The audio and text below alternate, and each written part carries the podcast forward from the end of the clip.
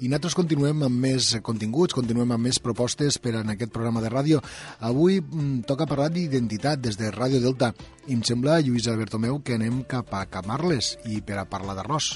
Exacte. Avui visitem la torre, aquest centre d'interpretació de l'arròs a Camarles, i ho fem amb la tinent d'alcalde, segona tinent d'alcalde i regidora de Promoció Econòmica, Turisme, Comerç i Comunicació de l'Ajuntament de Camarles, Bàrbara Curtó, que tenim a l'altra banda del fil telefònic. Bàrbara, benvinguda al Dia Terres de l'Ebre. Molt bon dia, Lluïsa, i moltes gràcies per convidar-nos. Bueno, pensa que arriben dates de Setmana Santa, arriba el bon temps i la gent té ganes de passejar i de sortir. I a vegades són molts aquells equipaments que tenim aquí a les nostres terres i potser los desconeixem. Per això en volem fer una miqueta de promocionar-los i avui parlem d'este centre d'interpretació de l'arròs que teniu aquí a Camarles. Fem una mica d'història, perquè és relativament jove. Se va obrir el 2016.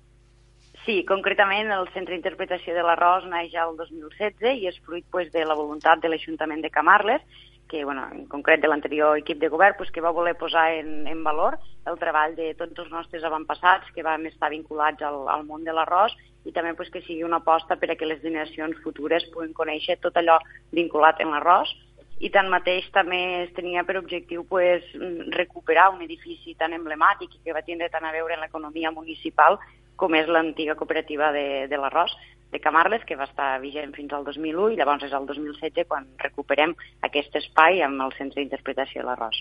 Clar, perquè Camarles, igual que Deltebre, quan se pensa en aquestes poblacions, se pensa en l'arròs. Sí, així és. La veritat és que, bueno, mm, al centre podem veure moltes coses, no? De fet, hi ha una, una visita que, que dura aproximadament una hora i mitja, allà s'explica pues, tot el procés de, de l'arròs, el procés que sorgeix al camp, així com com també bueno, hi ha un suport en imatges i videogràfic on els visitants poden observar la transformació que sofreix el delta en funció de l'època de l'any en, en què ens trobem. També trobem una segona part on s'explica la, la promoció, la, el procés que, de transformació de l'arròs des que entra a la cooperativa fins que surt com a producte final i, per tant, preparat a la venda. I en una tercera part aquí ja incloem pues, la importància econòmica que ha tingut el Delta, l'arròs al Delta i, com no, pues, el cooperativisme. Bé, se va tindre que, que fer una reforma d'este antic molí o es va poder reaprofitar bé els espais? Com va anar això?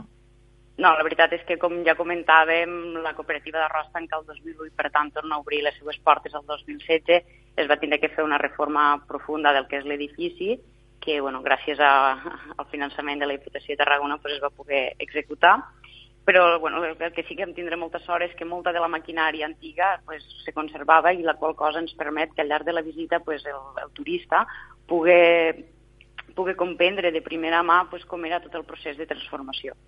La, la visita està pensada per a turistes o també està una mica enfocada per a escolars o... La visita està enfocada per a tot tipus de públic, en funció del públic s'adapta a la visita, ja et dic, en, ens dediquem a tot tipus de grups i sota reserva pues, inclou el preu de l'entrada, que és de, abans que és de 3 euros individual i 2 euros per a grups, i inclou el guiatge. Inclús també es fa en, francès i prèvia reserva en anglès. Los horaris, los dies de visita, esteu tots els dies a guards? Hi ha algun dia que tanca? Uh, L'horari habitual de visita és de dimarts a dissabte, de 10 a 1 i de 4 a 6 de la tarda, els diumenges i els festius de 10 a 1, el dilluns estem tancats per descans setmanal del centre però val a dir que sempre que hi hagi reserva prèvia, la nostra voluntat és oferir una qualitat de, de servei al visitant i, per tant, ens adaptem i fora d'estos horaris pues, també realitzem visites. Teniu una mica de dades de, de com ha anat, si ha anat creixent el nombre de visites, si cada vegada és més gent, d'on te ve este, este visitant que, que arriba a la torre?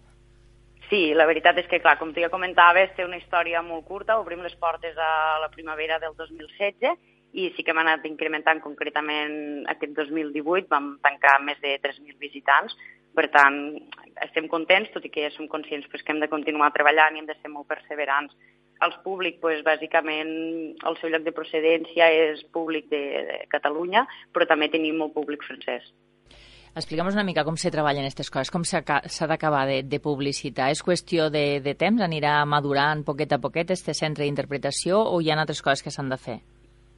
Bueno, pues, com ja comentava, és un treball del dia a dia, és un treball persistent, és un treball de, de promoció, d'esforç i que bueno, des de la regidoria de promoció també ho estem treballant molt amb assistència a les fires, uh, bueno, vam començar treballant també amb operadors del territori, aquest 2019 hi hem concertat visites amb, amb operadors de Costa Daurada, i bueno, és un dia a dia, anar-te movent i anar fent contactes. I a banda de lo centre d'interpretació de la Rosa Camarles, tu com a regidora de turisme, què altres coses podem visitar a Camarles? Ah, bueno, com a atractiu turístic també tenim la, la Torre de Camarles, però jo bàsicament destacaria com a regidora de turisme i promoció pues, la jornada gastronòmica de la Valdana d'Arròs, un producte tan típic del Delta, però que a la vegada pues, també des de Camarles sempre li hem donat molt d'impuls i que bueno, ja coneixeu la jornada i per tot aquell que no, que no hi estat mai es realitza sempre l'últim cap de setmana d'agost, l'últim dissabte i que per tant esteu tots convidats. I a part de la Valdana teniu altre, altres promocions, no? És a dir, s'utilitza el reclam de la gastronomia com a atractiu turístic.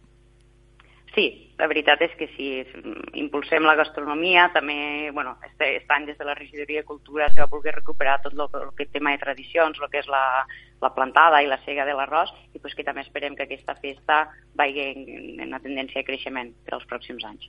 Pues ja ho saben, hi ha tots aquells que encara no el coneguen, Centre d'Interpretació de l'arròs a Camarles, conegut per la Torre, que està obert de dimarts a dissabte, diumenges i festius, i que poden, doncs, per més informació, suposo, Bàrbara, a la web camarles.cat.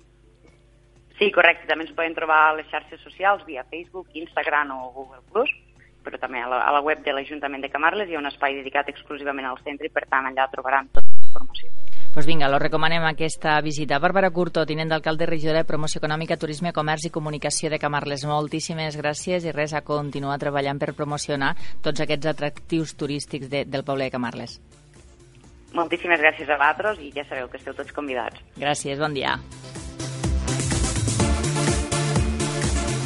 Bé, un atractiu en aquest cas que mm, mm, és d'aquelles coses que no acabes d'entendre.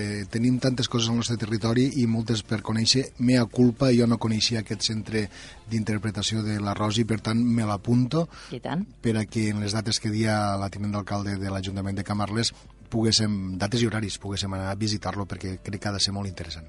I tant, és una d'aquestes coses que val la pena que anéssim descobrint. El centre d'interpretació de l'arròs, conegut com la Torre a Camarles. Evidentment també fem extensiva aquesta recomanació d'agendar-vos, eh, de, de, de que els nostres oiedors puguen també visitar aquest centre.